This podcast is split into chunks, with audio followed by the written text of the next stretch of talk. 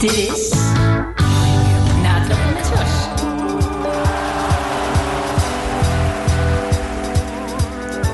Ja, een hele goede middag, maandag eh, 17 mei, 4 uur is het geweest. En eh, er zijn eigenlijk twee sportmomenten van eh, vandaag en afgelopen weekend. Eentje is natuurlijk de persconferentie van eh, Tom Dumoulin. Groot nieuws hier in Maastricht. Daar gaan we de tweede uur gaan we daarmee eh, niet met Tom bellen, maar we bellen met Thijs Sonneveld. Bekend wielerjournalist en met name bekend van AD en bij de NOS, waar hij vaak zijn analyses geeft. Dan gaan we spreken over de persconferentie van Tom Dumoulin. Maar ander groot sportnieuws, dat kwam helemaal vanuit Japan, waar binnenkort de Olympische Spelen zijn. En dat was natuurlijk de fantastische prestatie van Maya Kingma, die in Yokohama bij de Wereldbeker een fantastische derde plek wist te eh, veroveren. En Maya hebben we meteen aan de telefoon, dus we, we klallen, knappen er meteen op in. Maya, goedemiddag. Goedemiddag. Ja, wat super. Je bent net teruggekomen gistermiddag, geloof ik, uit eh, Japan. Was het een kwestie van eh, met gierende banden naar huis? Ja, een beetje wel. Ja, de Japanners wilden ons eigenlijk zo snel mogelijk weer kwijt. Dus ja.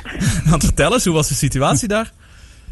Ja, heel bizar eigenlijk. Kijk, de Japanners hebben altijd alles wel echt eh, perfect geregeld en op orde. Maar eh, ja, het feit eh, wat er geregeld moest worden, dat is toch wel heel bizar. We kwamen denk ik op eh, zijn maandagochtend vroeg vertrokken in Nederlandse tijd. We kwamen op dinsdagochtend in Japan aan.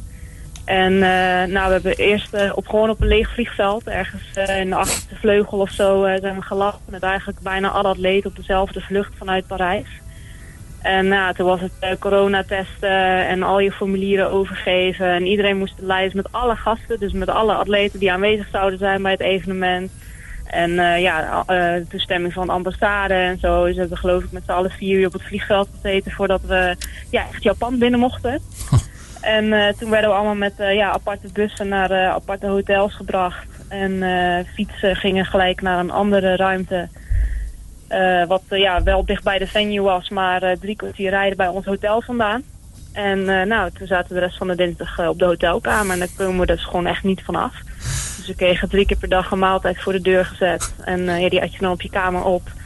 En op alleen woensdag en donderdag hadden we drie trainingen. Dus dan zaten we 45 minuten in de bus. En dan werd je echt per land, per land, per atleten, werd je in een lift eh, gezet. Nou, dan word je in de bus gezet. En werden daarna nog een keer gecontroleerd. Nog een keer een PCR-test. En dan mocht je trainen. En we zijn ook echt alleen maar binnen geweest. Dus dan eh, werd gewoon de hele fitnesszaal eh, afgehuurd. En dan mocht iedereen op een loopband lopen.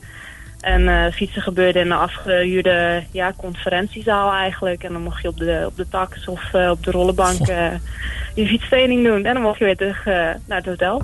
Bizar zeg, ongelooflijk. Ik hoop Ja. niet voor jou dat dit een voorproefje is geweest op de Olympische Spelen. Want het lijkt me erg, erg zware week in aanloop naar een grote wedstrijd. Ja, ik, ik vrees eigenlijk dat het, eh, dat het op de Spelen niet heel anders gaat zijn. Ik, eh, de, ja, de Japanners zullen ons gewoon echt niet in de buitenlucht hebben. Dus ik ben heel blij weer terug in Nederland te Ja. zijn en eh, frisse lucht te kunnen inademen. Ja. Maar eh, ja, ik denk dat het op de Spelen toch niet heel anders gaat zijn. Nou, in ieder geval ben je dan in ieder geval goed voorbereid. Weet je in ieder geval wat er een beetje staat eh, te gebeuren. Maar nu het mooie, eh, even over die mooie wedstrijd die je daar... ge... Ja, ik moet er altijd een beetje weer over nadenken. Want natuurlijk gezwommen, gefietst en gelopen hebt. Ehm, allereerst Ja. even jouw eigen reactie. Net, net na afloop van de race. I thought, okay, yeah, okay, everything is going pretty well. I didn't expect this. Uh, but then in the second lap, I got some stitches, and I'm like, oh no, oh no, this is gonna be it. and then I just thought, okay, Summer is gonna pass me. I just have to stay with her as long as possible, just to get a bit of a gap to the back. And I, I can't believe I did it. Ja, mooie reactie. Heel enthousiast ook. Even eh, die race eh, doorlopende. Het begint uiteraard eh, met zwemmen. Je kwam daar ongeveer gedeeld aan de leiding kwam je uit het zwembad. Was het heftig? Was het flink vechten voor positie? Nee, dat viel wel mee. Mijn zwemonderdeel is eh, ja, eigenlijk gewoon weer goed. Het was vorig jaar even wat minder. Ja, we hebben natuurlijk in Nederland gewoon echt een hele tijd niet kunnen zwemmen. En eh, daar heb ik wel echt last van gehad. En het was toen de tijd, eh, ja, vorig jaar met de wedstrijd ook met wetsuit. Mhm. Eh, dit werd gelukkig een, een non-wetsuit swim. Dus Ja. dat is ja, sowieso gewoon voor zwemmers een voordeel. Dus eigenlijk was het zwemmen heel goed onder controle. En ja, was het op de derde positie eigenlijk gewoon goed. En had ik de grootste focus op, op een snelle wissel. En ja, heel snel op de fiets en hard gaan fietsen. Ja. Dus dat, dat was eigenlijk het initiële plan. En dan, eh, ja, want je, je zat eigenlijk al meteen met de, de top 3, die uiteindelijk ook top 3 is geëindigd. Weet je dan dat dit waarschijnlijk de drie dames zijn eh, waar je het mee, of eh, ja, met jou erbij natuurlijk, eh, die het gaan uitvechten? Nee, nee, zeker niet. Nee, uiteindelijk, mijn doel was eigenlijk om heel hard te fietsen. Normaal zijn er nog twee andere dames die ook heel hard fietsen. Direct na het zwemmen. En daardoor wordt het normaal op een lint getrokken en dan ontstaan er eigenlijk groepjes. Maar dat gebeurde niet. Ze lieten me gewoon 20 meter voor de groep uitrijden. En niemand dacht, nou, dan ga ik ook rijden. en toen, ja, toen kwam eigenlijk alles samen. Dus daar zat nog een groep achter en die kwam ook bij de groep. ja, toen heb ik me ook maar teruggelaten. Zag ik denk, ja, dit heeft geen nut. En toen bleek de groep ook echt gewoon niet te willen rijden. Dus toen wilde ik eigenlijk net tegen Taylor Nip inderdaad. En ja, eigenlijk nog een andere dame, een, een Noor of een Brit, zeggen van nou, na dat technische stuk dan demoreren we gewoon, want we moeten hier weg. Er zitten gewoon een stel hele goede lopers in. En als het niet hard gefietst wordt, dan lopen die gewoon waarschijnlijk mm. harder. en op dat moment ja, besloot Taylor Nip ook om te demoreren. Dus ja, ik sprong gewoon meteen mee.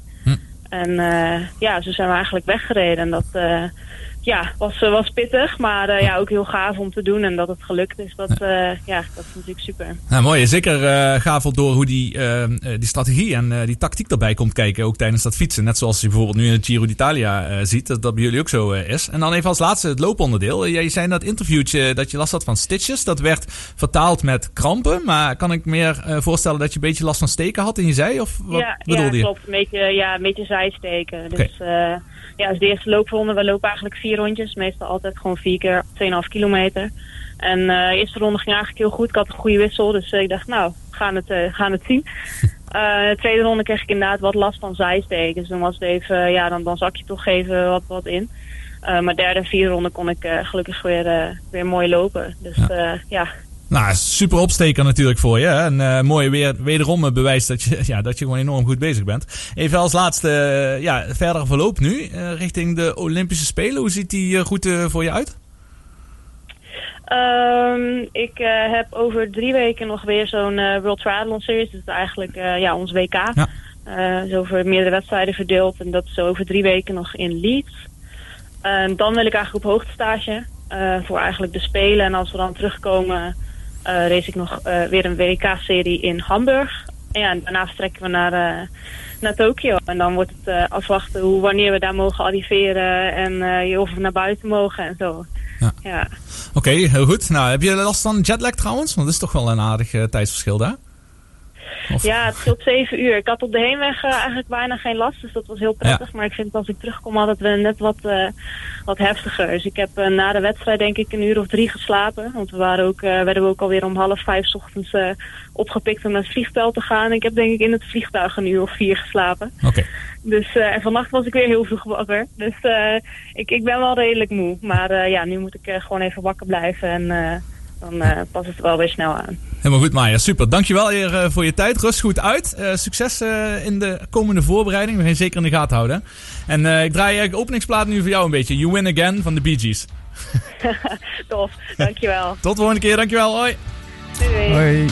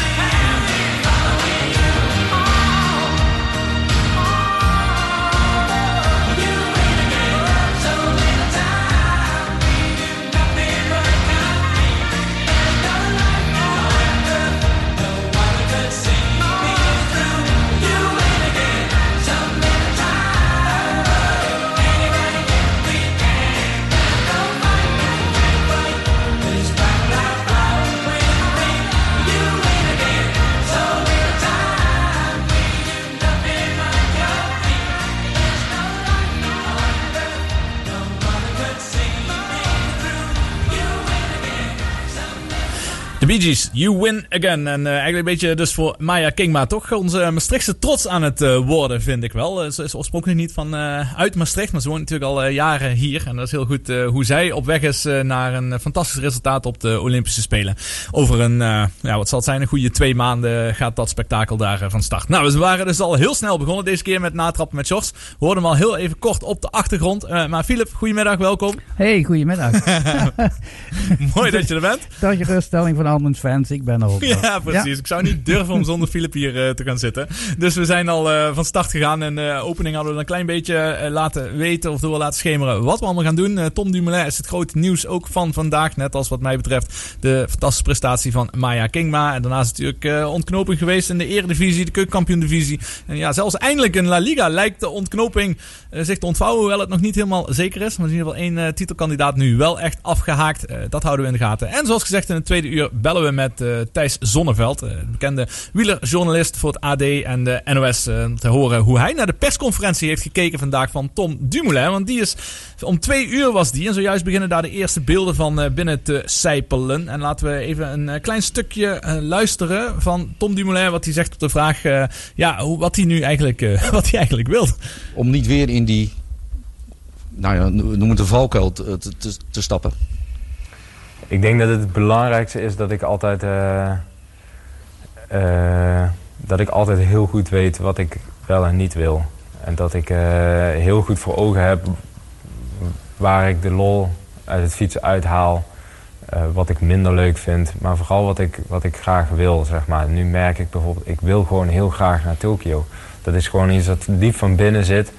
En dan, als ik me morgen slecht voel op de fiets, dan maakt dat in principe niet uit omdat ik het gewoon heel graag wil.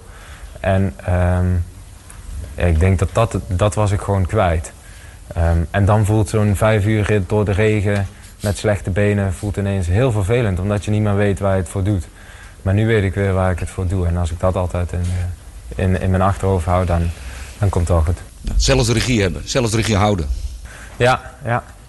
En dat betekent niet dat ik het alleen doe. Hè. Um, ik heb heel veel mensen nodig de ploeg nodig, uh, allerlei mensen om mij heen. Maar inderdaad, ik wil, ik wil zelf de regie hebben en zelf weten waar we naartoe gaan. En, en ja, de intrinsieke motivatie, daar begint en staat alles mee. Je kijkt... Het lijkt me erop uh, dat een Jumbo-Visma uh, toch wel veel, ja, zo het noemen, een beetje water bij de wijn doet voor uh, Tom Dumoulin in ieder geval hem enorm bijstaat. Om te zorgen dat hij zich uh, op zijn gemak voelt en zijn eigen koers kan varen. Omdat hij toch, toch, toch echt als de grote man werd gehaald voor de grote rondes, et cetera. En eigenlijk heeft hij aangegeven nu dat hij geen grote ronde renner meer wil zijn. Maar wat, wat versta je onder water bij de wijn van, van Jumbo-Visma? Dat ze hem niet gedwongen hebben om... Nee, dat hij nu al duidelijk zegt dat hij zelf de regie in handen wil hebben. Dat hij zelf zijn doelen wil stellen. Dat hij zelf wil uh, bepalen aan welke koersen of welke ritten dat hij vooral uh, wil deelnemen. Mm Dat bedoel ik. En het is bedoel ik in positieve zin. Dat uh, Jumbo-Visma hem daar toch wel de ruimte en kans voor geeft. Voorlopig wel dan zeker. Hè? Ja. Maar nee, je moet hem maar afwachten. Het verhaal wat hij vertelde was eigenlijk al een beetje, beetje naïef. Hè? Om. Uh, om? Vond ik de manier waarop je het stelde. Als hij maar op de fiets zit en nu weet hij weer dat het leuk is. Ja. En als hij morgen niet, uh, niet leuk vindt meer, dan uh, weet hij toch waar hij het voor doet. Ik weet het niet, er kan nog veel veranderen dit jaar. Maar in, in ieder geval, hij gaat naar de ronde van, van Zwitserland. Dat is niet mm -hmm. zomaar een koersje. Dat is een hele zware wedstrijd.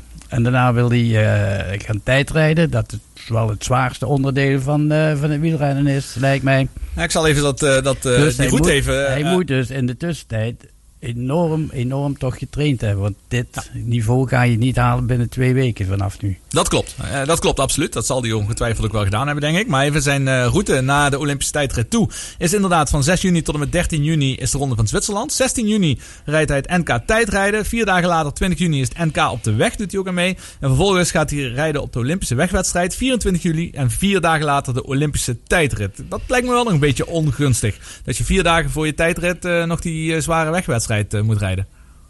Maar als je dus Tom Dumoulin heet, dan kun je in die wegwedstrijd zelf je eh, plan bepalen. Hè?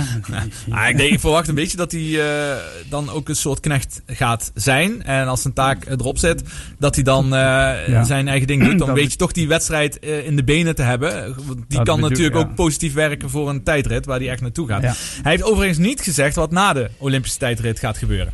Dus dit is echt zijn eh, eerste grote Ja. doel hè, waar hij echt mee bezig is. En vervolgens na de Olympische tijdrit ja, gaat hij het opnieuw eh, evalueren en kijken hoe die en of die weer verder gaat. Dus Want het kan natuurlijk ook tegenvallen. Dus mocht je het leuk vinden, dan zie ik hem ook nog wel naar Spanje rijden. Als in de Vuelta. Ja.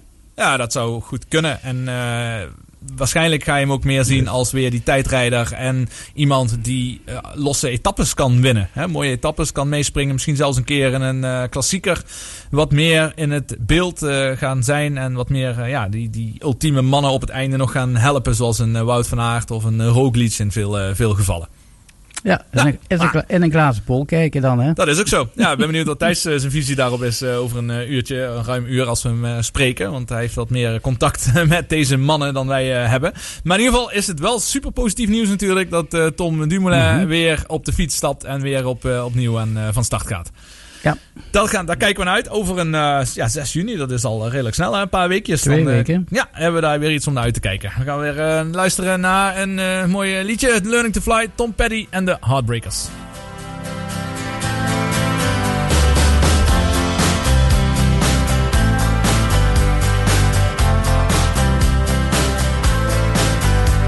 Well, I started out down a dirty Started out all alone, and the sun went down as I crossed the hill, and the town lit up. The world gets still. I'm learning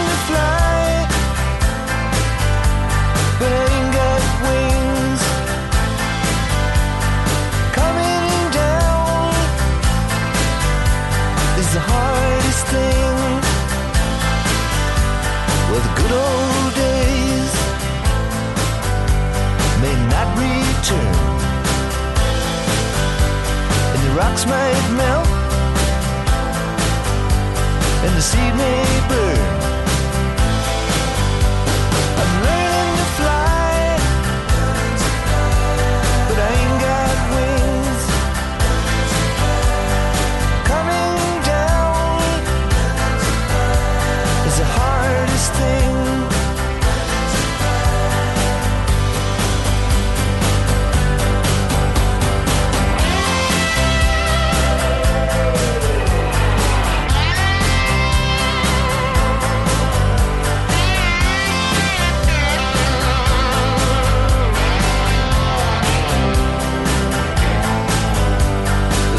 Say life will beat you down, break your heart, steal your crown. So I've started out for God knows where. I guess I'll know when I get there.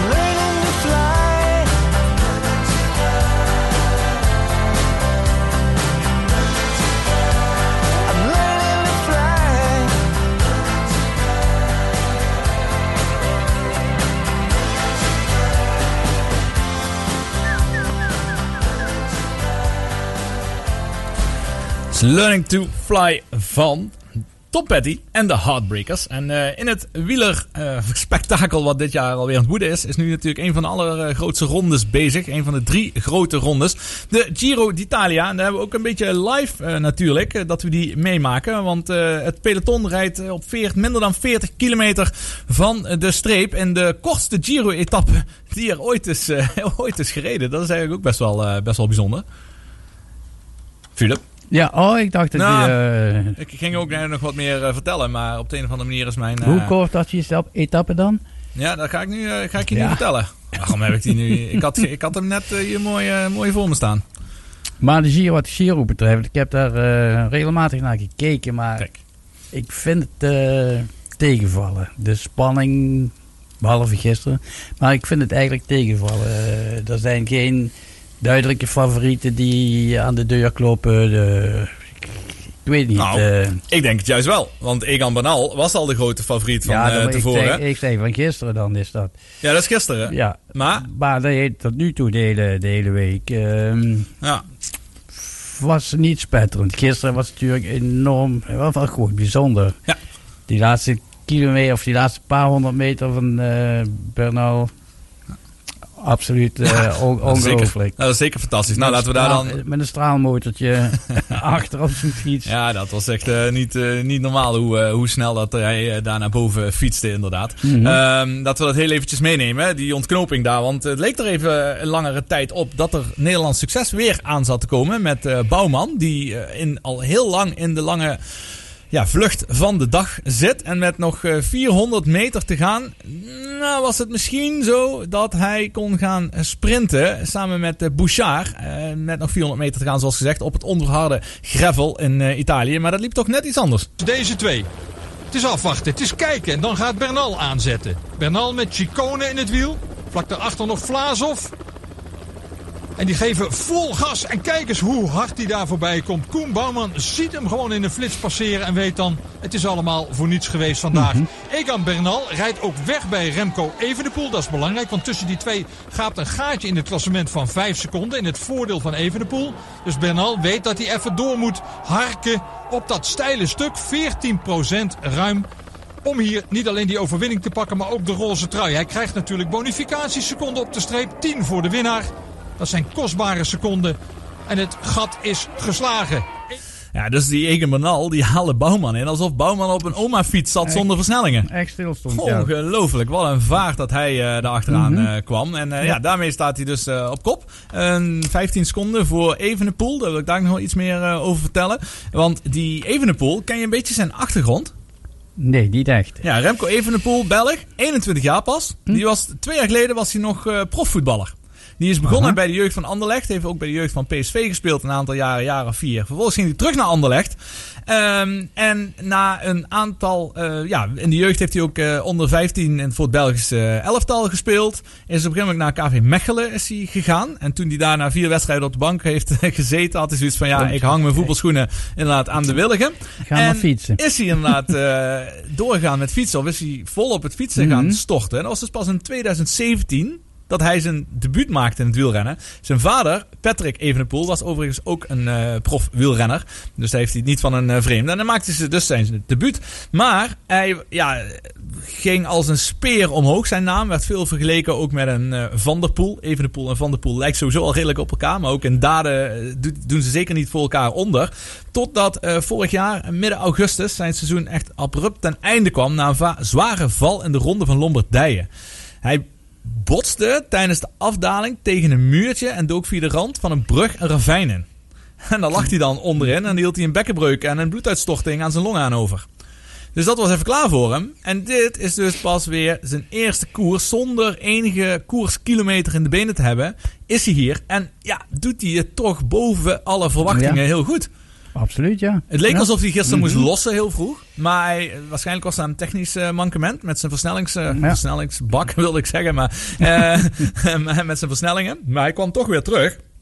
En heeft slechts 15 seconden verloren. Dus die Evenepoel echt fantastisch talent om ook hem te volgen.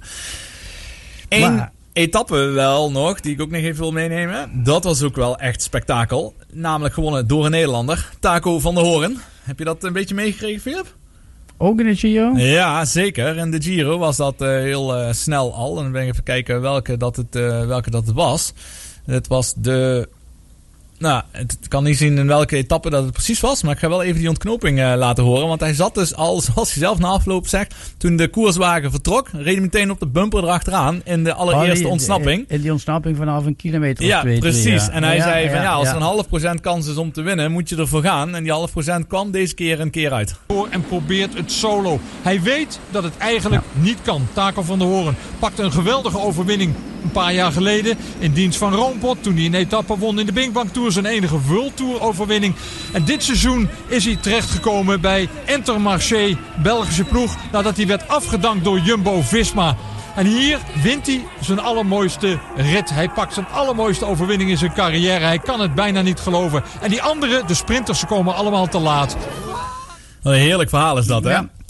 Af- Nee, ik, ik kan hem weer terug Ja. herinneren. Ja, ik heb dat gezien. Ja, afgeschreven worden door Jumbo-Visma, Ja. geen nieuw contract krijgen en dan via omweg terechtkomen bij een kleine ploeg. En dan opeens je grootste overwinningen behalen, die veruit de grootste overwinning, eh, de etappe winnen in de Giro. En dan is je toekomst weer, eh, ziet er weer een heel stuk ander, anders uit als wielrenner. Dat sowieso. Dat was ook met die, die Fransman die zijn eerste...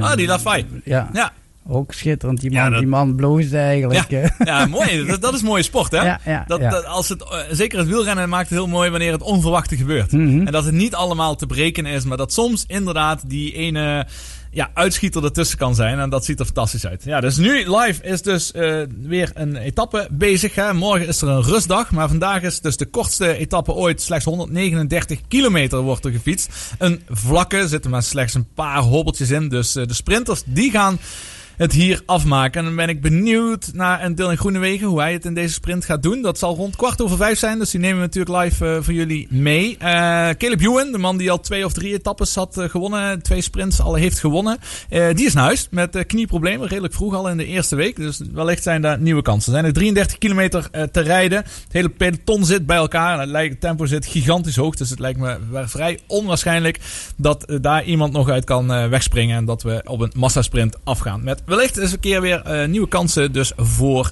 Dylan Groenewegen. Philip, nog iets anders over het eh, wielrennen in dit geval, over de Giro? Nee, ik vond wel een leuk verhaal van die, die, die eh, wieltjes bij de derailleur. Die, die, die kleine wieltjes bij de derailleur. Die hebben ze, sommige fietsmerken hebben die groter gemaakt. Waardoor je dus ietsjes minder weerstand krijgt. En dat je per dag een halve watt minder energie gebruikt. Oké, Dus, maar op 14 dagen is dat ongeveer toch weer wel. een verschil. ja, dus men vindt wat uit. Ja, heel, inderdaad. Ja, heel interessant is dat. Goed, Philip. eh, we komen dadelijk eh, weer terug. Gaan we eens wat meer eh, kijken op de ontknoping van betreffende het voetbal. Wat er natuurlijk afgelopen week was. Eerst een nummer van Bon Jovi hebben we volgens mij nog geen één keer gedraaid in onze show. Maar in ieder geval, deze is In These Arms.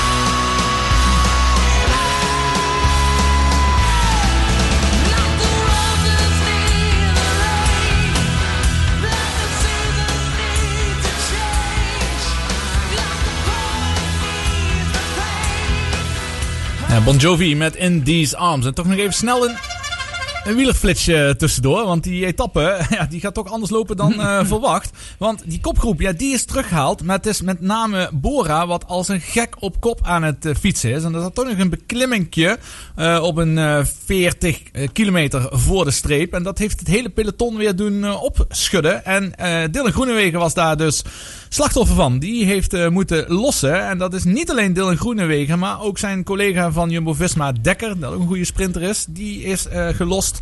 Merlier, de paarse truidrager, dus dat betekent dat hij bovenop staat in de puntenkoers, hè, dus het sprintklassement. En eh niet solo, dat zijn echt de, de, de favorieten in een eh, massasprint. Die zijn allemaal eh, aan het lossen. Ja, en dan is jou de vraag natuurlijk. Bora, die is de gangmaker. En waarom doen ze dat?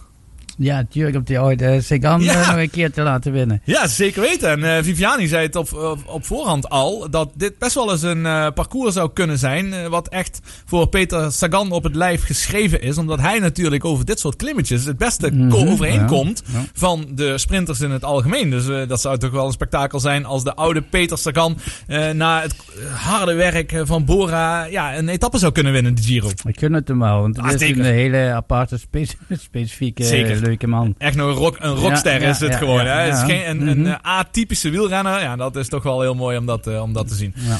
Goed, we schakelen even naar het voetballen. Want eh, de ontknoping in de Eredivisie is inmiddels geweest. Dat was gisteren en donderdag eh, was daar natuurlijk de ontknoping. Donderdag eh, op Hemelvaartsdag werd een volledig programma gedraaid, net als gisteren. En ik vond het een beetje anticlimax, Philip. Want ik Mhm. had gehoopt dat de wedstrijd VVV tegen Emmen, waar we al lang naar uit aan het kijken waren, op zondag wellicht een beslissing ging forceren. Maar opeens was het na donderdag was het over. Ja, ijdele hoop voor jou, hè. Maar, eh, Dus ik heb niet gekeken nee, gisteren. maar eh, echt eh, verrassingen in, in het eindstand kan ik niet zeggen. Nee, normaal gesproken, we hadden al VVV al heel lang getipt hier als, als degradant. En daarbij had ik gedacht aan Emmen, maar Emmen heeft daar goed onderuit gespeeld. En ADO is de enige verrassing, want ik had niet gedacht dat ADO nog eh, zo ver zou zakken dat ze rechtstreeks zouden degraderen. Maar aan de top is, is, is gewoon normaal verlopen. Ajax kampioen. PSV tweede, PSV tweede. AZ en, derde, ja. Feyenoord. eh, Vijfde plek. Ja, dat zijn niet zo heel spannende Nee. eh, uitslagen. Dat klopt. Ik vond met name dus het allerspannendste vond ik gewoon wel de degradatiestrijd. Even voor de play-offs, voor het Europees voetbal, voor wat het waard is. Ik vind het altijd een beetje zo'n achterafje. Ja, niet zo heel spannend meer. Maar in ieder geval Utrecht speelt tegen Groningen in de halve finale en Feyenoord tegen Sparta. En dat vind ik wel heel knap. Dat Sparta, Sparta, op een achtste plek eindigt. Ja, Dat vind ik echt, eh, dat, dat, daar had ik van tevoren nooit eh, enige Dat cent op durven te zetten. positief uitschieter, ja. Ja, en Ja. het had ook Fortuna kunnen zijn. Maar uiteindelijk zijn het zes punten verschil wat ertussen zit. Want Fortuna verloor nog eens van Willem II. Mhm. Trouwens wel benieuwd hoe dat eh, nog gaat aflopen. Of dat nog een staartje krijgt over die zogenaamde winstpremie. Wat Willem II aan Fortuna... nee, andersom juist. dat Emmen Ja, aan Fortuna ja, beloofd zou hebben. Maar dat maakt niet uit, want Willem II heeft gewonnen. Maar ja, ik weet niet of dat nog een staartje krijgt. Ik heb ja, gisteren gehoord dat, eh, dat het niet, eigenlijk niet echt verboden is. Hè. Dus officieel mag het niet mag meer. alleen een krat bier zijn, maar geen 25.000 euro zoals in dit geval. Ja, dat kan. Ik weet Ik niet, weet het eh, niet. de hoogte van Ja. het bedrag. Maar Ja, zeggen 25.000 euro werd er gezegd. officieel is het niet, eh, zolang als je het niet doet, is het niet strafbaar. Hè? En je kunt het altijd nog zeggen dat het een soort kwinkslag was eh, wat, je hebt, eh, wat je hebt uitgespookt inderdaad. Ik vind het in ieder geval dom om Ja. zoiets eh, als, als, als club zijnde voor te stellen aan een ander. Ja, sowieso. Maar goed, dus dat betekent dat Emmen dus in de na-competitie terecht is gekomen. En dan maken we meteen maar even het bruggetje naar de keukenkampioen-divisie. Want ook daar was het wel degelijk spannend. Niet alleen met MVV, die het fantastisch gedaan hebben op een elfde plaats. Bovenaan Mhm. het rechte rijtje. Daar heeft er lang niet naar uitgezien. Dus ik vind het een heel knappe prestatie. Maar met name even bovenin. Cambuur Leeuwarden, terechte kampioen. Hè. Die hebben 15 punten voorsprong eh, op nummer 2. Go Ahead Go Ahead Eagles. Eagles, En ja. die, die zag echt gewoon niemand aankomen. Nee.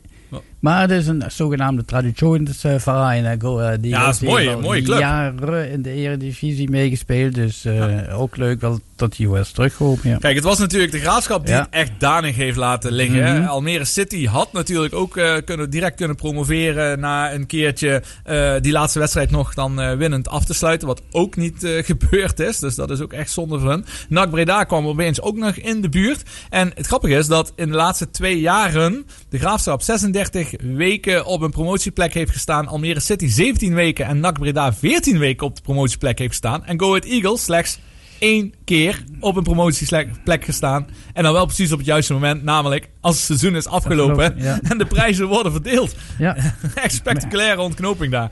meer hoef je niet te doen, hè? Ja, en dan heb je de Graafschap en Almere die dus een dikke kans laten liggen op direct te promoveren in die laatste speelronde. Dus dat was op 12 mei, eh, woensdag was dat. Ja, en dan eh Go Ahead Eagles ging er dus, was de lachende derde, eigenlijk de lachende vierde was het in dit geval. En dan denk je van, nou dan heeft de Graafschap nog één klein kantje. En wat gebeurt? Verliezen gewoon 3-2 van Roda in de Mhm. play-offs. Terwijl Roda eh, 2-0 van Top Os verliest, 7-0 van Den Bosch verliest. Ja, echt hele slechte voorbereiding had eigenlijk op die eh, ja, na-competitie, op die play-offs. Maar ja, toch eh, komen ze eruit. Ja.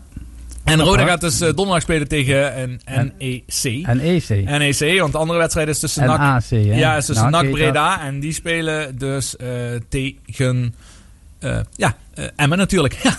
Dat zijn de halve finales van de, van de play-offs, eh, de na-competitie. Dat wordt donderdag gespeeld en de finale zal dan op zaterdag alweer gespeeld worden. Dat is ook maar vrij kort tussen. Mhm. Misschien is het zondag, maar in ieder geval zaterdag of zondag dit weekend wordt de finale daar gespeeld. En dan weten we precies wie dat er volgend jaar in de Eredivisie gaat spelen. En wie een stapje terugzet in de keukenkampioen-divisie. En dan MVV weer tegen gaat komen. Ja. Weet je daar iets van, MVV? Want daar zijn elf, zeker elf spelers wat, wat, wat weggaan. Ja, pakken eh, even het tweede blokje, eh, kunnen we het daar nog even hebben. Ons traditionele MVV-blokje. Maar het is wel zo dat een eh, volledig, volledig elftal van. MVV afscheid heeft genomen. Of dat nu Moest via de linkerkant of via de rechterkant is gegaan. Hè. Wie de keuze heeft gemaakt, dat wordt natuurlijk niet echt naar buiten gebracht. Want ongetwijfeld zullen sommige spelers andere plannen hebben. En dan krijg je natuurlijk ook geen nieuw contract aangeboden. Mhm. Maar dan is het vanuit de spelerskant deze keuze. Maar daar kunnen we in een tweede blok nog over hebben. Maar niemand heeft daar op dit moment nog het eh, antwoord op. Tijd voor wat muziek, Philip. Oh, Weer dan, een ander eh, oudje. Even de tijd om eh, bij te komen. Het is een redelijk lang eh, nummer, zie ik. Dat is niet erg. Komen we wel doorheen. Dat is van eh Al Stewart, Year of the Cat. Kun je daar nog iets over zeggen trouwens? Ja, Je weet zoveel Al. Stewart, Al Stewart, ja, die, die heeft op een gegeven moment de brui aangegeven. Omdat hij eigen liedjes wilde maken. Maar zijn platenmaatschappij zei, dit, dit zijn de nummers eh, die jou liggen. Dus blijf dat maar eh, zo doen. En daar was hij niet eh amused over. Dus eh, is hij daar eh, gestopt. bij, bij die platenmaatschappij. Maar het zijn hele mooie liedjes wat hij maakt trouwens. Hoor. Absoluut, ja. Ja. En dit is een van de allermooiste, vind ik. The Year of the Cat.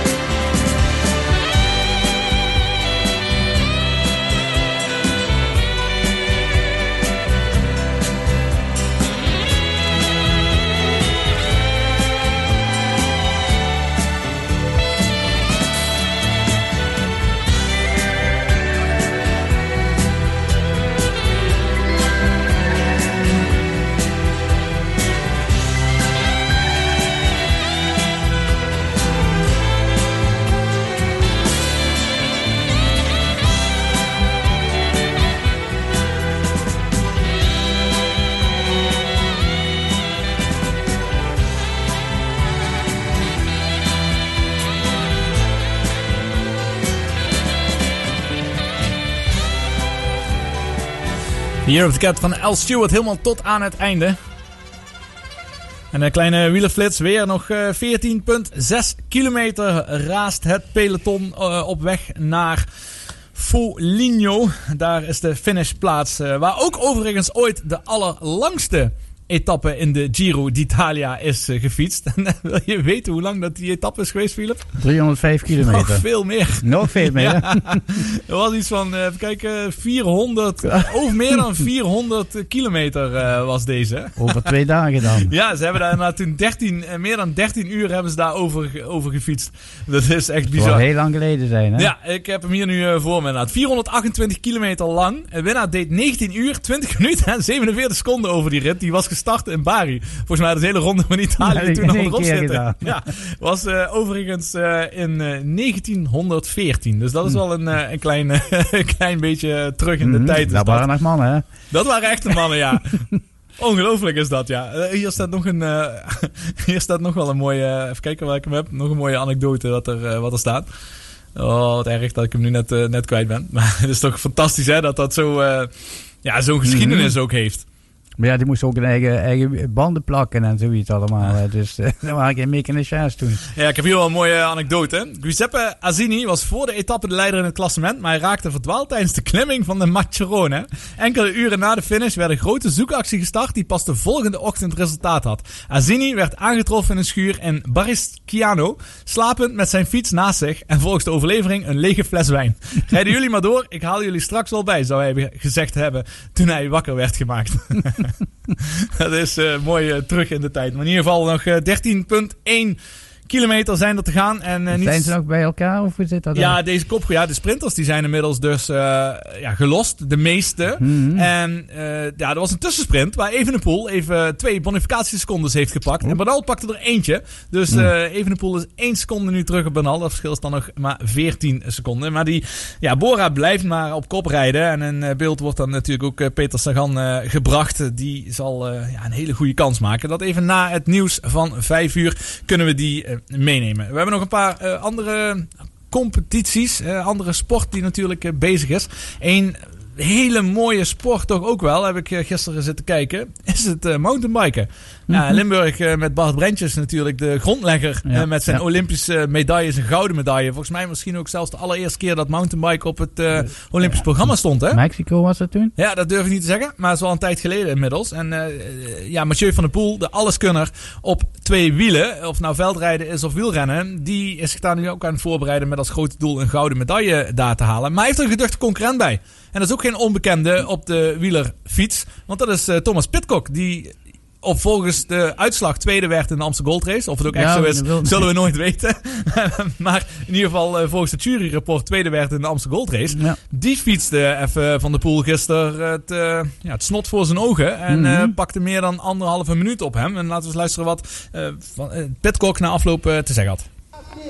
I think I was born to do mountain bike, to be honest. um, yeah, it sounds stupid, but I think it's what I've, I've done since I was little and what I've enjoyed the most. Ja, dus... eh, ja, lekker Engels, hè? Ja, ook dat, Mhm, ook ja, dat. Eh, ja. Er was nog iets heel bijzonders. Er was een eh Roemeen. Die moest in de top 20 eindigen gisteren daar bij die wereldbeker. Om een Olympisch startticket te krijgen. Mhm. Hij had een wildcard gekregen. Omdat die jongen dan 23 was, had hij een wildcard gekregen. Maar doordat hij nu dus opgeschoven is in het wereldbekerklassement... heeft hij zich direct gekwalificeerd. Omdat Pitcock niet was opgegeven voor de Olympische Spelen vanuit eh, Groot-Brittannië uit, zou hij eerst buiten de boot vallen. Maar dankzij die wildcard wat vrijkwam, heeft hij die wildcard dus gekregen, waardoor hij toch kan deelnemen aan de Olympische Ah. Spelen. Ik denk, ja, heel Ja, apart. Hè? Ik denk mhm. dat eh, Van der Poel daar misschien wat minder blij mee is. Maar van de andere kant, hè, je moet wel tegen de beste spelen als het de Olympische Spelen zijn. Sowieso, maar Van der Poel heeft een week geleden van, hem, van eh, Pitcock Ja, maar dat, nou, maar dat zijn die sprintraces. Je Ja, hebt dus ja. sprintraces Mhm. en om voor eh, positie te winnen. En, en daar is Van der Poel heel goed in. Want ja, Van der Poel is natuurlijk een supergoeie sprinter ook. Maar als het nu, zoals hier, die lange ritten zijn. Ik weet niet precies hoeveel kilometer dat het was daar in Nove Mesto. Maar die zorgt in ieder geval... maar is het wat moeilijker hoor voor Van der Poel om dat eh, op, die, op die afstand eh, te halen. Kan. Ja. Even kort, eh, heel wat anders dit. Even kort golfnieuws, dat was ook wel interessant. De British Masters, over Groot-Brittannië hebben we het. Hè? Dat was Mhm. Richard Bland, die wint een toernooi. En dan zou je denken van ja, dat is niet zo heel bijzonder. Maar die man die is eh, 48 jaar. Ja. 478 toernooien gespeeld op de Europese Tour. Dat zijn ongeveer 1450 wedstrijdrondes in zijn carrière. En, En eindelijk nooit- had hij nooit iets gewonnen. Nooit iets gewonnen. Ja, en dan wint ja. hij opeens. En die ontlading en die emotie van hem. Te huilen voor het interview. Ja, dat vind ik super mooi. Ja, Omdat, hij eh, was wel snel klaar met die play-off, hè? ja, ja, die andere miste de put. Ja. Mikliosi, ja, die heeft al Mhm. vaker gewonnen, dus dat is niet zo heel erg. Ja. Dat is het einde van het eh, eerste uur. Er zijn nog 10 kilometer te fietsen in de Giro d'Italia richting Foligna. En eh, daar zijn we na het nieuws met dat eh, live spektakel bij jullie terug. Staat altijd dichtbij. RTV Maastricht.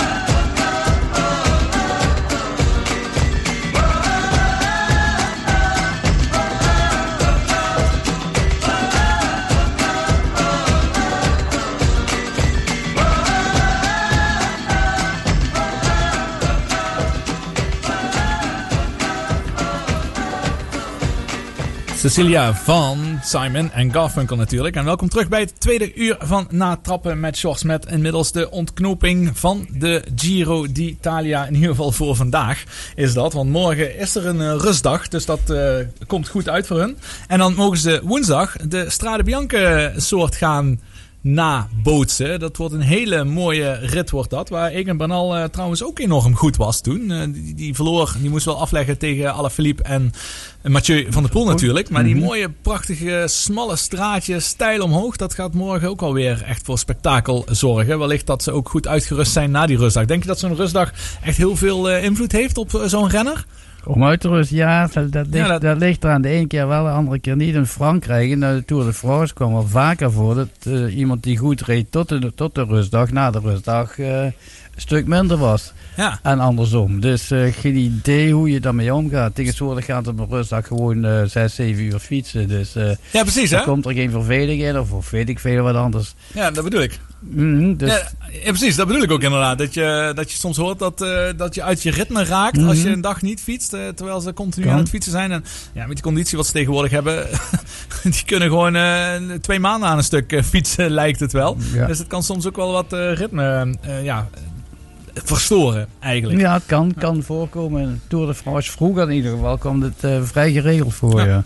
Nog anderhalf kilometer is het. En eh, zoals gezegd, het gaat natuurlijk afstevenen op een massasprint. Dat was ook wel eh, te verwachten. Alleen de sprinters, ja, die zijn natuurlijk wel al ehm, verdwenen. De, in ieder geval de, de grote sprinters die we al genoemd hebben. Zoals een Merlier, een Niet Solo, eh Groenewegen. Helaas, Dekker is er ook niet bij voor de Nederlandse troef. Dus er zijn niet echt veel Nederlandse troeven. Maar het is met name Hans Grohe geweest die de hele tijd als een gek op kop heeft zitten rijden. Om die Peter Sagan maar in een goede positie naar de eindstreep te brengen. En Peter Sagan is natuurlijk wel goed als het gaat om eh, heuveltjes in een etappe. En dan op het einde nog net genoeg lucht over hebben. Wat meer dan de anderen. Het was ook team DSM overigens die probeerde tempo te maken. Of zich goed te positioneren voorin. Even als de Koenig Quickstep. En daar is dan weer een valpartij. Dat is iemand van team DSM die daar op de grond ligt. Eh, ja, dat is maar even een flits dat dat in beeld was. Het valt mee dat er maar eentje is. En dat heeft wel het hele pel- peloton eh, gebroken. En dat is wel interessant, want nu is het Bora samen met... eh, het is vooral Bora die op kop rijdt. Nu komt iemand, een renner van Cofidis voorop. Die gaat de sprint aantrekken. Er gaat nog één scherpe bocht komen. is nog maar 400 meter, 300 meter is dat te gaan. En dan is nu die sprint langzaam maar zeker aangezet. Oeh, Caviria. Die heeft een goede kans. Die zit voorop, maar wordt nu ingehaald. Sagan, daar komt hij. In het midden van de weg. Gaat iets naar de linkerkant. is nog steeds Peter Sagan voorop. Ongelooflijk Ja. dat Peter Sagan toch weer een etappe pakt. Wat Mooi. een fantastisch teamwerk. En daar komen zijn ploeggenoten met gestrekte armen omhoog over de finish. Wat een Mooi. geweldig werk van eh, Bora Hansgrohe. Hoe zij deze etappe aan hand eh, hebben gezet. En eh, de oude Vos, de oude meester mogen we hem eigenlijk al eh, noemen. Mhm. Peter Sagan wint de etappe vandaag in de Giro d'Italia. Schitterende ontknoping is dat. Mooi. Absoluut. Dan kunnen we even tot rust komen. Damn those eyes van Kane. En daarna komen we terug. Gaan we het even over eh, het gravelseizoen binnen het eh, tennis gaan we het over hebben. eyes me torn inside. She runs like a river through me. Always you, eyes don't lie. Words may try. She comes like a mystery flows through me and I swear it's true.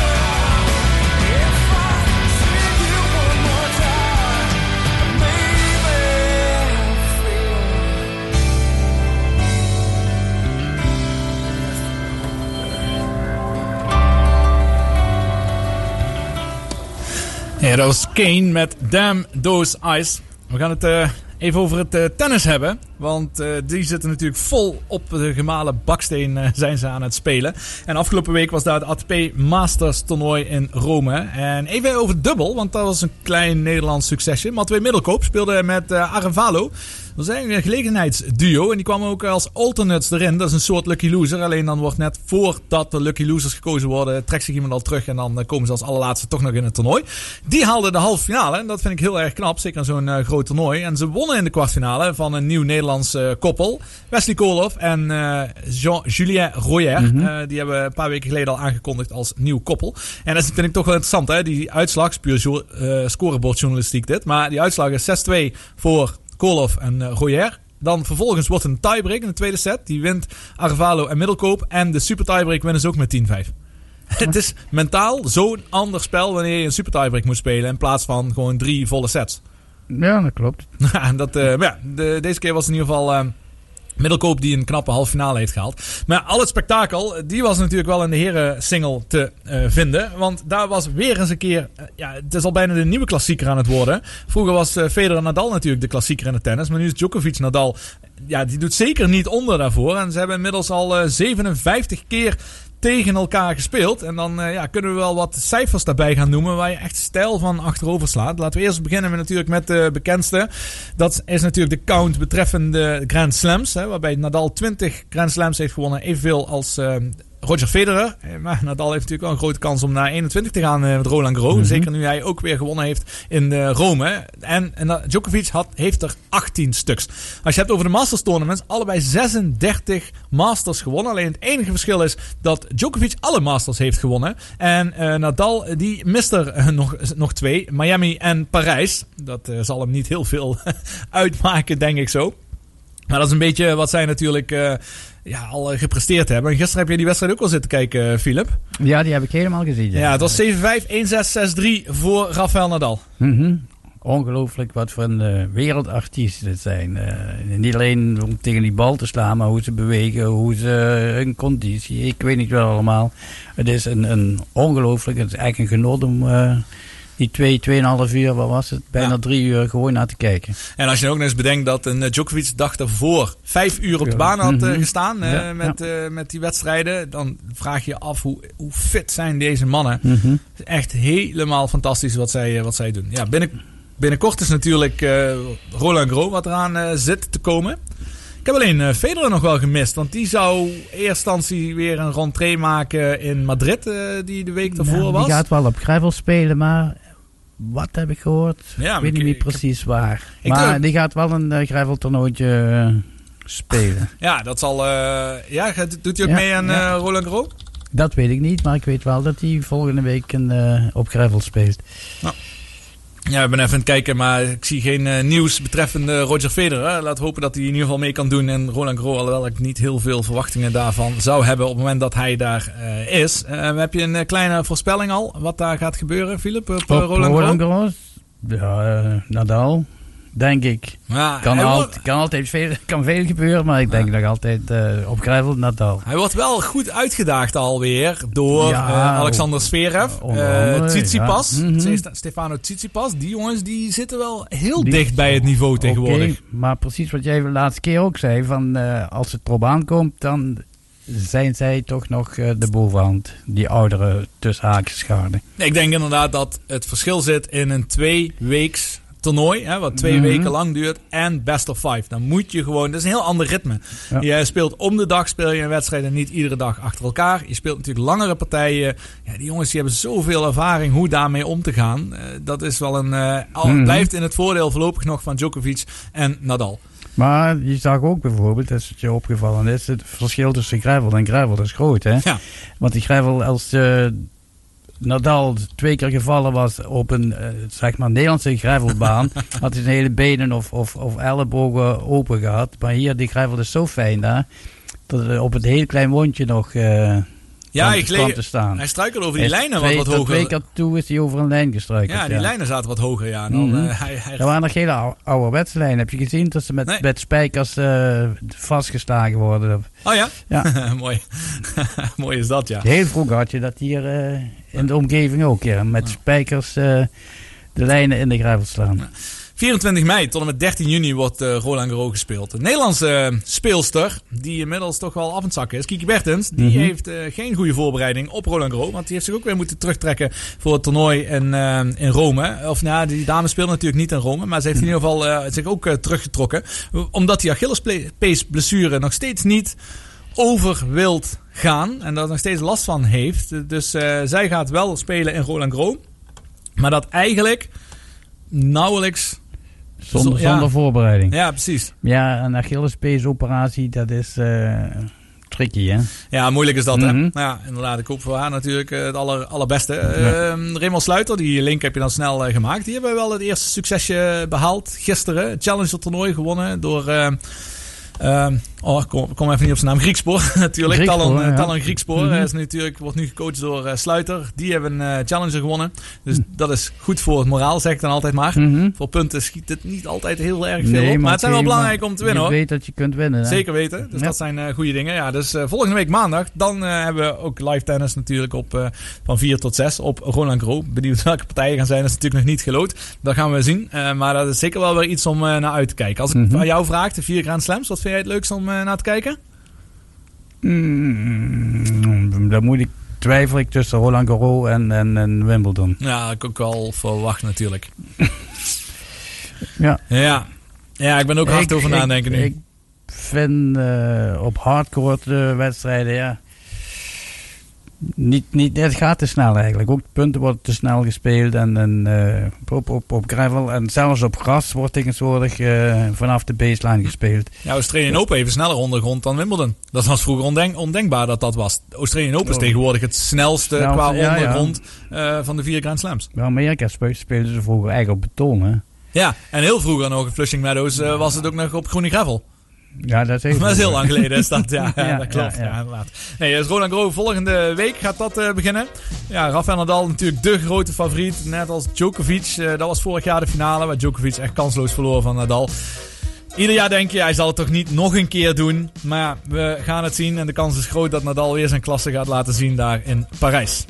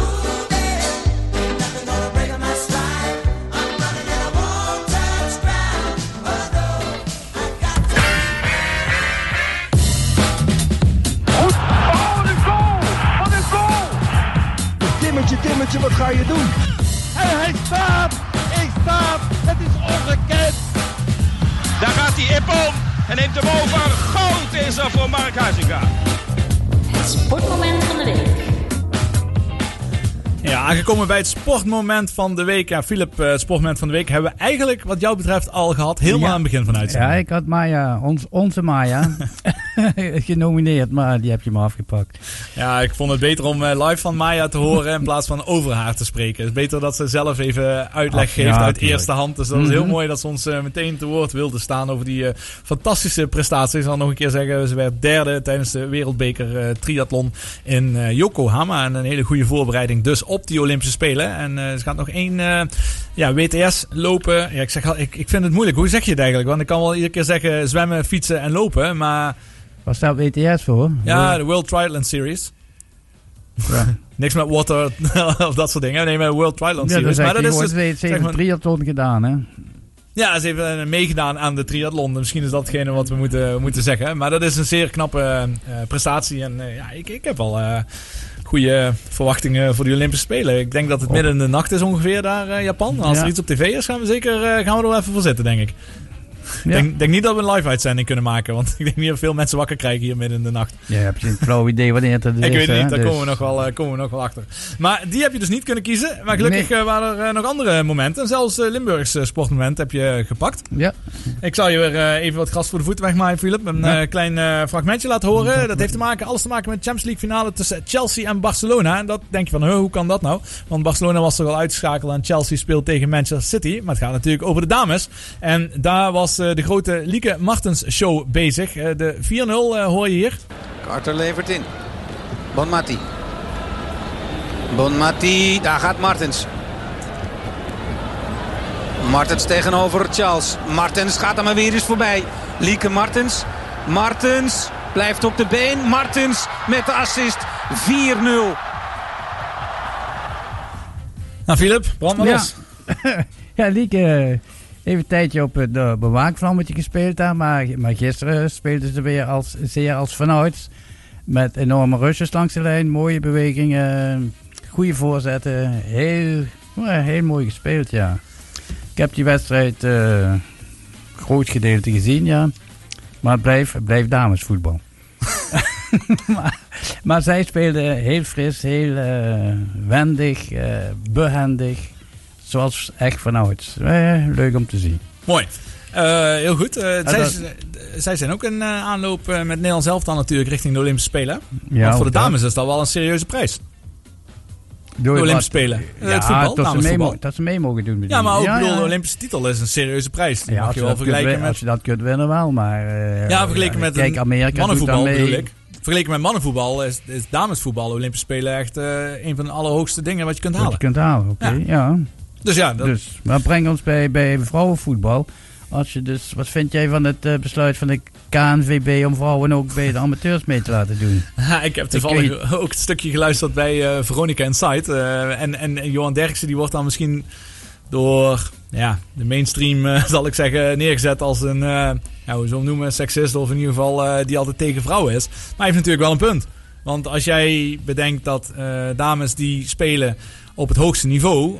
die gaan heel veel moeite hebben om eh, bij bepaalde amateurteams eh, mee te kunnen. Qua Die- niveau. Er zit gewoon een groot niveauverschil in. En dat heeft alles met fysiek te maken. En daar is helemaal niks mis mee. Als ik gisteren, die dames wat ik gisteren zag spelen, en dat is wel de top van Ja. Europa, die zouden het vrij moeilijk hebben om bij, bij amateurs mee te spelen. Ja, en welke klasse denk je dan zelf aan?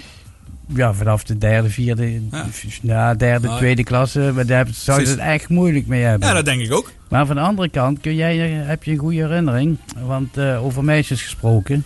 In de tijd dat jij nog eh, in- de voetbalcarrière eh, dacht, speelde, dat is jonger dan tien jaar, denk ik. Dan heb ik nooit meer aan voetbal gedacht. speelde IJzen, weet ik nog goed, tegen Sleenaken uit. En bij Sleenaken speelde één meisje mee. Ik weet niet meer precies hoe ze Ja, heette. snap ik. Maar dat ene meisje, die speelde hele IJzen. Hele IJzen Helemaal na- zoek. Helemaal zoek. Dat was zeven, maakte zeven, zeven goals. Heet die Lieke Martens toevallig? Nee, toevallig Nee, die, was, eh, die is een stuk jonger dan ik ben. Dus dat, dat gaat niet op inderdaad. Dus meisjes kunnen bij, bij, bij de jeugd Ja, zeker. Heel, heel goed meespelen. Nee, zeker. En het is hartstikke leuk ook. eh, mooi dat dat eh, gedaan wordt in ieder geval. Eh, maar of het echt op amateurniveau bij de volwassenen gaat Mm. gebeuren, ja, ik weet niet of dat Nee. echt succes gaat zijn. Mhm. Ehm, ik heb een ehm, fragment uitgezocht betreffende Leicester City. Die hebben de FA Cup gewonnen voor het eh, allereerst eh, in de geschiedenis. Eh, en dat is niet zo vreemd, want in 2016 werd Leicester City werd, landskampioen. Echt uit het niets was dat. dat was de grootste verrassing. En ik vind het Mhm. toch knap dat ze daarna in die top zijn gebleven. En nu hebben ze de eerste keer de FA Cup veroverd. In, op, op Wembley, hè, zoals het eigenlijk ja, ook hoort. En toch waren er 21.000 toeschouwers waren aanwezig. Die toch wel zorgden voor de nodige sfeer. En ze speelden tegen Chelsea. Eh, Chelsea die natuurlijk binnenkort de Champions League finale gaat spelen. Maar wat ik het allermooiste daarvan vond, is los van het feit dat eh, Chelsea dus, of dat eh 1-0 is gewonnen door Leicester City. Het allermooiste is, we hebben het heel vaak over eigenaren, hè, team-eigenaren. En dan Mhm. eh, hebben we hele slechte voorbeelden, zoals eh, een, eh, bij Roda bijvoorbeeld, die, die, die, die man uit, wat is het, die in Dubai vast zat, die Zwitser of zo, of, of was het andersom, was het die man uit Dubai die in Zwitserland vast zat. In ieder geval, hè, iemand die het over had genomen. Een Zwitserse Arabier die, Ja, die in Dubai... ja, dat was het mhm. inderdaad. Je hebt nu de soap met Chinezen van ADO Den Haag. Eh, je hebt Vitesse is een van de weinige ploegen waar dat goed gaat, moet ik zeggen. Mhm. En je hebt ook nog te maken eh, met Fortuna Sittard. Die zitten nu met die overname ook een beetje mee te zoeken. En in de, maar dus meestal gaat het niet goed. Maar bij Leicester City is het wel fantastisch. Waar de chairman, dus Koen Top, eh, erbij is. En die wordt gewoon door de spelers het veld opgehaald. Hè. Dat, dat zegt wel eh, heel erg veel. Dat ze gewoon de eigenaar van de tribune afhalen en het veld ophalen om samen met de spelers dat succes te gaan vieren. En daarbij was natuurlijk ook iets eh, heel eh, tragisch. Zijn vader, die was eigenaar, die is een paar jaar geleden omgekomen met een helikopterongeluk. Was volgens mij na, zelfs na een wedstrijd of zo, Ja, net ja. voor een wedstrijd, had er iets mee te maken. Ja, dat was natuurlijk ook echt een eh, groot verlies. En eh, dat zijn zoon nu tussen die feestende spelers hier staat. Met de FA Cup eh, in zijn handen. Ja, dat vond ik wel een fantastisch mooi, mooi beeld. Dus daarom is Mhm. dat voornamelijk datgene wat het mijn sportmoment van de week heeft gemaakt. Goed. Ja, dankjewel. Gelukkig. Dan kunnen we weer verder. Fleetwood Mac wordt weer eens tijd voor ze om eh, ze te draaien. Dat is Little Eyes van Fleetwood Mac, zoals gezegd.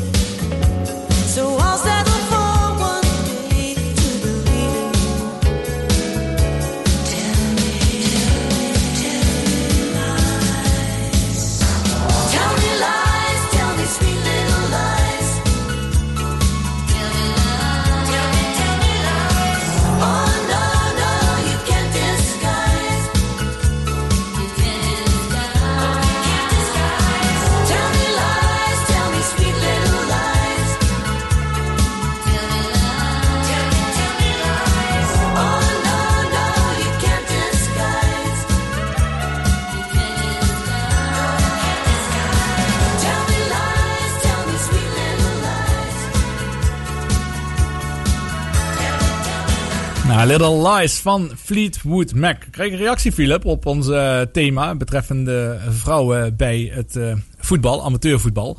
Maar het is eh, Tom Klingers die zegt dat het bij de jeugd zeker wel goed is, want meisjes zijn vaak groter dan jongens. Bij de jeugd. en dat is wij ook toch, goed. waar wij toch over Ja. eens. na jouw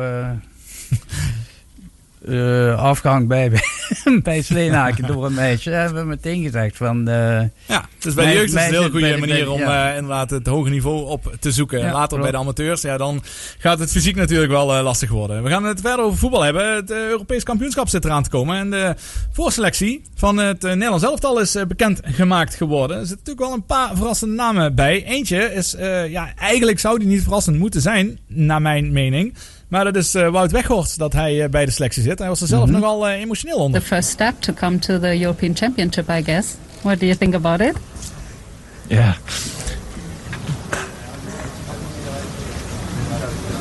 Emotional? Domme vraag, hè? Because it was a, a big dream for you to go there, right? Yeah, I'm happy with that. Hij komt gewoon niet uit zijn woorden, omdat hij Mhm. gewoon de tranen in zijn ogen heeft staan. Ja. eh, nadat hem eh, wordt gezegd eh, dat hij in de ja. zit. Dat is toch dat is mooi toch? Dat is fantastisch. Zo, dat, dat die jongen zo'n fantastische spits is in eh, Duitsland met Wolfsburg. Champions League eh, hebben ze nu eh, bereikt hè, voor het volgend jaar. Ja. Geweldig seizoen. En toch viel die eigenlijk continu buiten de boot bij het Nederlands elftal. Daarom zal hij nu al een beetje geëmotioneerd zijn. Dat hij een beetje had afgeschreven dat, het, dat de boer hem ooit nog zou vragen. Ja, maar, je hebt ook een voorbeeld uit het verleden. En dan denk ik denk of dat Klaas-Jan Huntelaar was. of misschien iemand anders. Die vaak niet geselecteerd werd. En dan een beetje de kont in de krip gooide. En boos was en zoiets had van ja, ik kom niet meer terug. Maar dat hem, hem toch echt raakt dat hij toch geselecteerd Eindelijk, is. eindelijk daarbij mag zijn. Ja. Ja. ja. Maar wel volledig terecht, toch? Zeker terecht. Dat had al veel langer moeten Ja, gebeuren. Maar eh, omdat we even op in te haken, ik vind het wel heel slap van, eh, van de boer dat ze de oren laat hangen naar de pers. Want eh, Babel, iemand die hij daar nooit zou eh, uitlaten, die heeft hij nu, omdat hij overal kritiek kreeg daarop, eh, eruit gelaten. En hij heeft de Weghorst erbij gehaald, omdat er elke keer als een opstelling kwam of, of een selectie kwam, iedereen zei waarom is Weghorst er niet bij. En nu, op een of andere manier, heeft hij en Babel thuis gelaten, zelfs. Ja. En, en Weghorst erbij gehaald. Maar er moeten ons nog eh, een stuk of acht, zes of acht afvallen. Ja. En daar moet je me nog even op afwachten. Ja, wat ik wel krom eh, vind en vervelend zijn voor een aantal spelers zoals een, eh, volgens mij Timber onder andere en andere jongens die dus met Jong Oranje nog zouden Mhm. kunnen spelen. Ook een raar dat die verhaal, wellicht, ja. ja. dat is een Ja. raar verhaal hè. Mhm, ja. Dan ga je op 24 mei in de voor, beginnen met de voorbereiding. Mhm. Terwijl als je het eerder zou doen, had je je die jongens nog naar het eh, EK je, je kunt er Oranje toch kunnen sturen. goede afspraken over Ja, ik maken. hè, want dit, eh, dit slaat nergens op. Als een van de jongens afvalt, Ja. dan kan hij nergens niks. meer aan meedoen. Nee, ik, eh, Terwijl dat ben- ik- zeker, eh, zekerheden zouden zijn natuurlijk voor een Jong Oranje. Ik als je bij de voorselectie van het Mhm. grote Oranje zit, dan zou je natuurlijk ook bij Jong. Oranje mee Ik moeten. Ja, ik begrijp dit verhaal niet. Nee. Nee, inderdaad. En dan hebben we een paar ja, namen die interessant zijn. Zo'n Wout Weghorst zit er dus bij. Quincy Promes zit erbij. Ja. Ik heb hem niet echt gevolgd. Hij is in Rusland tegenwoordig. Ja. Ik weet niet hoe hij het daar doet. Maar ik vind het eh, niet direct dat ik denk van ja, die moet je echt per se erbij hebben. Geen idee. Ja. Ik weet, ja, nee, Donny vind ik het heel goed doen bij PSV. Het is moeilijk eh, in te ja. schatten hoe hij het op het hoogste niveau doet. Luc de Jong zit erbij. Dat is, eh, wordt ook steeds meer een eh, vraagteken. Ja, verder een aanvallers Gakpo. PSV die erg, zich erg goed laat zien. El Ghazi is plotseling weer in beeld. Mhm, ja. Depay natuurlijk. Bergwijn van eh, Tottenham. Hè. Die zit natuurlijk eh, wel vaker weer erbij. En Steven Berghuis.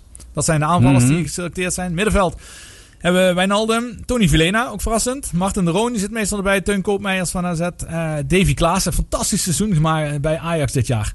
Mhm. Dat vind ik echt zo'n Mhm. goede aankoop eh, voor Ajax. eh, dat ze Davy Klaassen hebben teruggehaald. Echt, heel, eh, echt, maakt echt een verschil, vind ik. Frenkie de Jong, natuurlijk onbetwist. Gravenberg, heel goed seizoen. goede ontwikkeling. En Donny van der Beek. Dat is natuurlijk ook wel, va- wel Dat is iets ook meer zo'n zo'n verhaal. Heeft het hele jaar bijna niet gespeeld, hè? Mhm.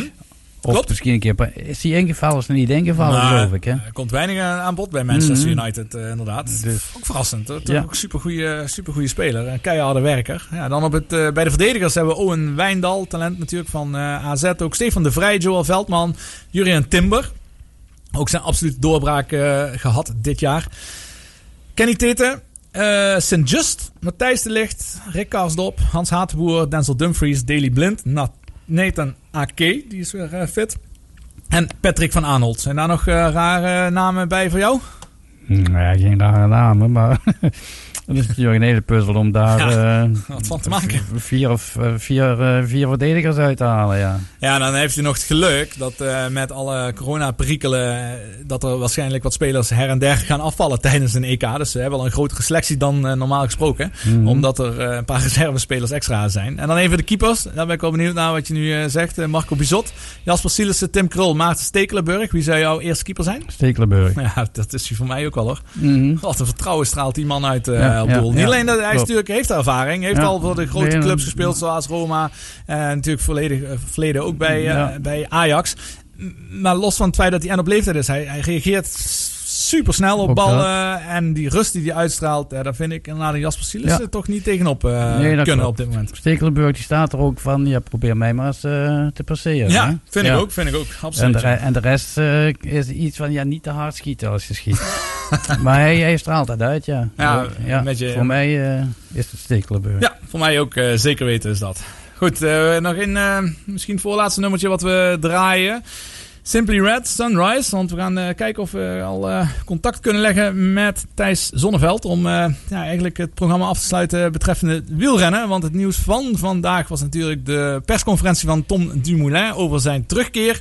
In de Ronde van Zwitserland op eh, 6 juni zal hij zijn terugkeer maken op weg naar zijn ultieme droom, de Olympische tijdrit. Eh, probeert hij goud te halen. Zilver heeft hij al eh, vijf jaar geleden gehaald. En nu hoopt hij natuurlijk een gouden medaille te halen. En we gaan met Thijs even praten ook over de Giro d'Italia. Fantastische overwinning vandaag eh, van Peter Sagan. Maar ook benieuwd hoe eh, hij kijkt naar het machtsvertoon van Egan Bernal. Dat zo dadelijk dus na Simply Red met Sunrise.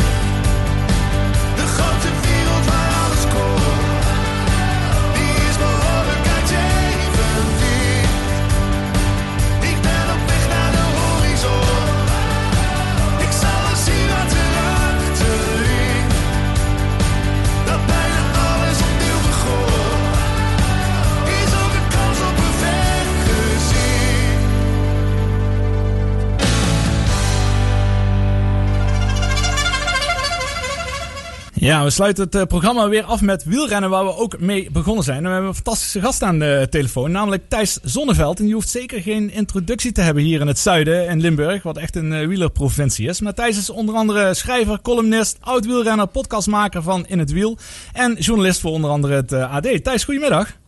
Goedemiddag. Hey, ik vraag me even voor mezelf af, hè. Welk eh, van deze omschrijvingen van je associeer jij jezelf eigenlijk het meeste mee?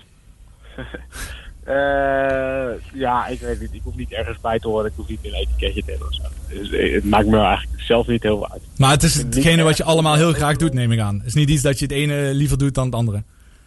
Ehm, nou ja, het ligt er een beetje aan. Eh, over het algemeen is podcast maken heel leuk. Dat, is, dat voelt het minst als werk, meer als praatje pot met je vrienden. Ehm, maar ehm, ja, eh, ik heb eh, het geluk dat ik eh, voor mijn werk naar heel veel sport mag kijken. Wat ik anders ook had gedaan als ik een heel ander bloedpad had. Dus eh, ja, met, met mijn joggingbroek op de bank liggen, dat ja, mooi. Ja, nee, zeker die podcast in het wiel. Dat is echt, eh, ja, daar hoor je inderdaad ontspanning aan af eh, van jou en Hidde. En Theo Bos, eh, die natuurlijk ook vaak te gast is. Nou, vandaag, een maandag. Normaal zitten we niet zo midden in het nieuws. Maar deze keer hebben we dat wel echt betreffende wielrennen. Met de Giro d'Italia. Maar vooral met het nieuws van Tom Dumoulin. Zijn terugkeer. Dat werd vorige week al bekendgemaakt. En vanmiddag om twee uur was dan zijn persconferentie in Den Bosch. Is er iets wat je verrast heeft, wat hij vanmiddag verteld heeft? Ehm, nou, eigenlijk niet. Ehm, ja, wat je eigenlijk, eh, wat je eigenlijk zag al eh, bij, zijn, eh, bij zijn kleine ehm, eh, ja, terugkeer in, in de Amsterdam Gold Race, toen hij zich liet zien en toen hij langs de kant stond. En toen maakte hij ook een praatje her en der. Toen zag je wel dat hij ontspannen was en dat hij echt wel goed in zijn vel zit. Dat hij behoorlijk fit is. En dat zag je eigenlijk in die persconferentie ook wel weer terug. Ehm, en ja, het is gewoon een goede prater. Hij eh, stopt er grapjes in. Dus het is altijd wel een feest om eh, naar hem te luisteren. Alleen wat elke keer, vind ik, de olifant in de kamer is, is eh, wat er gebeurt na de Spelen in Tokio. En daar heeft hij eigenlijk weer geen antwoord op gegeven, omdat hij het zelf nog niet weet. Dus ja, we doen nu al met z'n allen alsof de verloren zoon is teruggekeerd, zeg maar. Maar het zou ook zomaar kunnen dat hij na Tokio alsnog weer geen wielrenner is. En met, die, eh, met dat scenario lijkt niemand echt rekening te willen houden. Precies, dat is ook, ja, daar heb je helemaal gelijk. En hij zegt echt tot aan het, eh, de Olympische tijdrit, wat was het, eh, 28 juli eh, richt hij zich op. Wil die 44 kilometer en daarna gaat hij dan weer verder kijken. Maar als je dan kijkt, hè, even naar die tijdrit. ehm, Filippo Ganna, die- die is wereldkampioen tijdrijden en lijkt de grote favoriet. Hè? Die rijdt, en dan is de vraag, zeker hier in het zuiden wordt vaak gezegd van ja, is Tom Dumoulin dan wel fit genoeg om op eh, zo'n relatief korte tijd daarna toe te werken? Denk je dat hij ook daadwerkelijk een kans maakt? Het gekke is ook natuurlijk, we hebben het al heel snel weer over kansen en podium en gouden medailles. Misschien moeten we het daar niet eens over hebben. Ja, nou ja, het, is bijna onlosmakelijk met hem verbonden. Want ja, het is een renner die zo goed is, die al zoveel heeft gewonnen, dat ook. Ja, je gaat niet, hij gaat niet voor een vijfde plek of voor een achtste plek naar Tokio, weet je. En het, ja, het kan in theorie kan hij, eh, kan hij winnen en kan hij daar meedoen om de medailles. Eh, hij heeft als grote voordeel dat hij eh, de tijd echt eh, helemaal kan voorbereiden. Ik denk dat renners die de Tour rijden en die de Tour uitrijden, dat die wel echt een enorm nadeel hebben. Ik kan me eigenlijk niet voorstellen dat een van die renners de Olympische tijdrit wint. Dan hou je eigenlijk over Remco Evenepoel, eh Rowan Dennis en misschien Wout van Aert. Afhankelijk van hoe die, eh, hoe die de Tour uitkomt. Ehm, ja, en ja, als, als je Dumoulin, zeker omdat hij gewoon de afgelopen maanden wel heeft getraind. Het is niet alsof hij geblesseerd is geweest. Het is niet alsof hij zijn fiets helemaal aan de kant heeft gezet. Ehm, ja, een, een, a- hij heeft wel de intrinsieke kwaliteiten om daar mee te doen voor de medailles. Dus het kan wel in theorie. Zeker op dit parcours. Wat echt niet zo gunstig is voor de, voor de, voor de Ganna, zeg maar. Het is wel een hoop draaien keren en veel op en af. Het is echt wel een parcours wat eh, op Dumoulin's lijf geschreven is. Maar ja, dan moet het wel allemaal... Dus er zijn wel echt wel veel mits en maren. Hij moet het ten eerste gewoon leuk vinden de komende maanden. En eh, er plezier in hebben. Want zonder plezier ga je echt niet het maximale eruit halen. Ja, zeker. Eh, die, over die pauze nog even. Ja, wat je al zei, en helemaal terecht, hè, toen hij bij de Amsterdam Gold Race hier eh, om de hoek eh, was. Toen dacht iedereen van ja, hij is nog lang niet klaar met het wielrennen. Tot voor die tijd. Had jij toen het gevoel dat het inderdaad een tijdelijke break zou zijn? Of dacht je van dit kan wel eens echt het einde zijn betreffende wielcarrière van Tom Dumoulin? Nou, wat het gevoel wat mij vanaf het begin eigenlijk wel heeft, eh, wat, wat ik heb meegekregen, was dat hij heel erg klaar was met eh, sowieso met de manier waarop hij de laatste jaren heeft eh wielrennen heeft beleefd. Dat is vooral dus rijden voor grote rondes en in een super strak, nauw corset leven. Ehm, en ja, ik denk dat hij ik denk dat dat ook best wel irreëel is om, om, om te denken dat hij op die manier terugkeert. Dus ik, ik denk zelf niet dat hij terugkeert als grote ronderenner. En dat hij niet meer als doel heeft om de Tour te gaan winnen. Want daar is hij de afgelopen jaren nog niet echt bepaald gelukkig van geworden. Ja, waar die, de- ik denk dat dit wat hij nu doet, zo'n doel stellen en daar naartoe leven, eh, zo één zo'n dag, niet elke dag die stress, niet elke dag bezig zijn met zijn gewicht. Ik denk dat hij daar veel sneller blij van wordt dan van een eh, grote ronde proberen te winnen. Dus ja, op die manier zie ik hem wel, zie ik hem nog ook wel door, ja, zie ik hem ook na Tokio nog wel wielrenner zijn. Maar ik denk dat het wel echt ontzettend afhankelijk is van hoe hij de komende maanden beleeft en ook stiekem wel wat het resultaat is in Tokio. Want als hij daar twaalfde wordt straks en hij denkt, ja, wat moet ik hier, wat, wat moet ik nou eigenlijk de komende jaren? Dan is het volgens mij, kan het ook maar zo, zomaar klaar zijn. Ja, eens. Ja, daar heb je hem gelijk aan. Ja, heel, heel spannend hoe dat gaat eh, worden de komende periode. Even overstapje naar de Giro d'Italia, die natuurlijk eh, bezig is.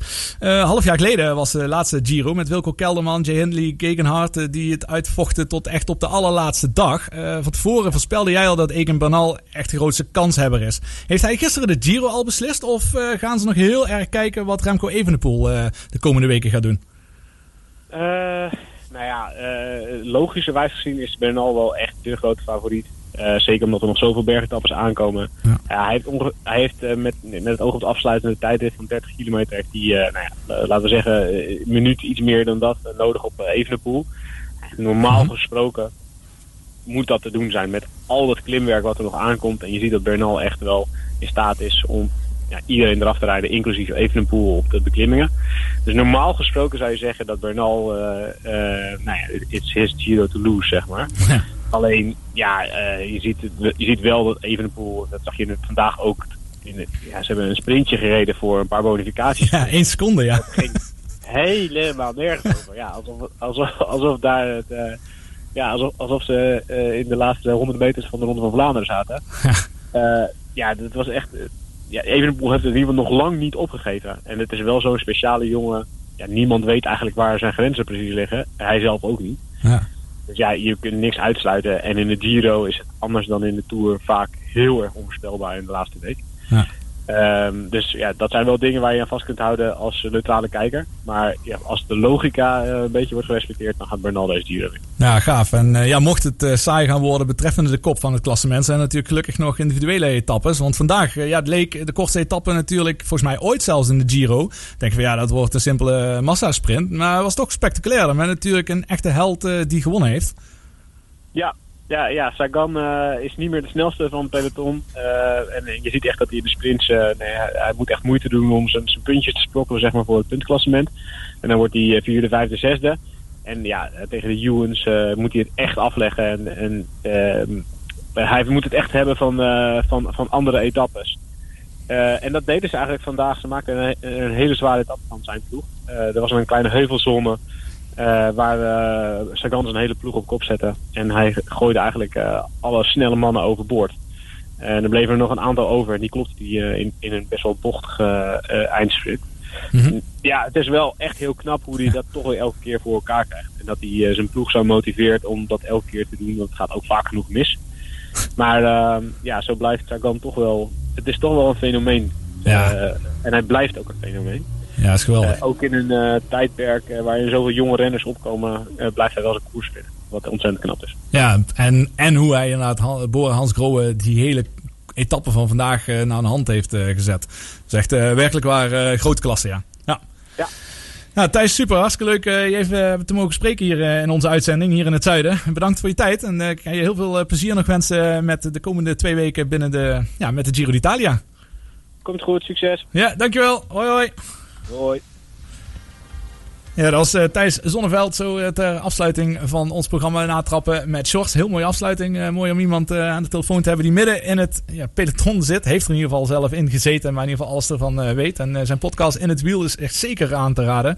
Iedere woensdag, iedere zondag komt dat uit. de laatste nieuwtjes en leuke verhalen over het wielrennen. Dus tot zover weer onze aflevering van Natrappen met Shorts. Aflevering 28 eh, was dit. Pas, hè, want de mannen die dadelijk komen, die zitten inmiddels op eh, aflevering eh, 500 en... Hoeveel is het, mannen?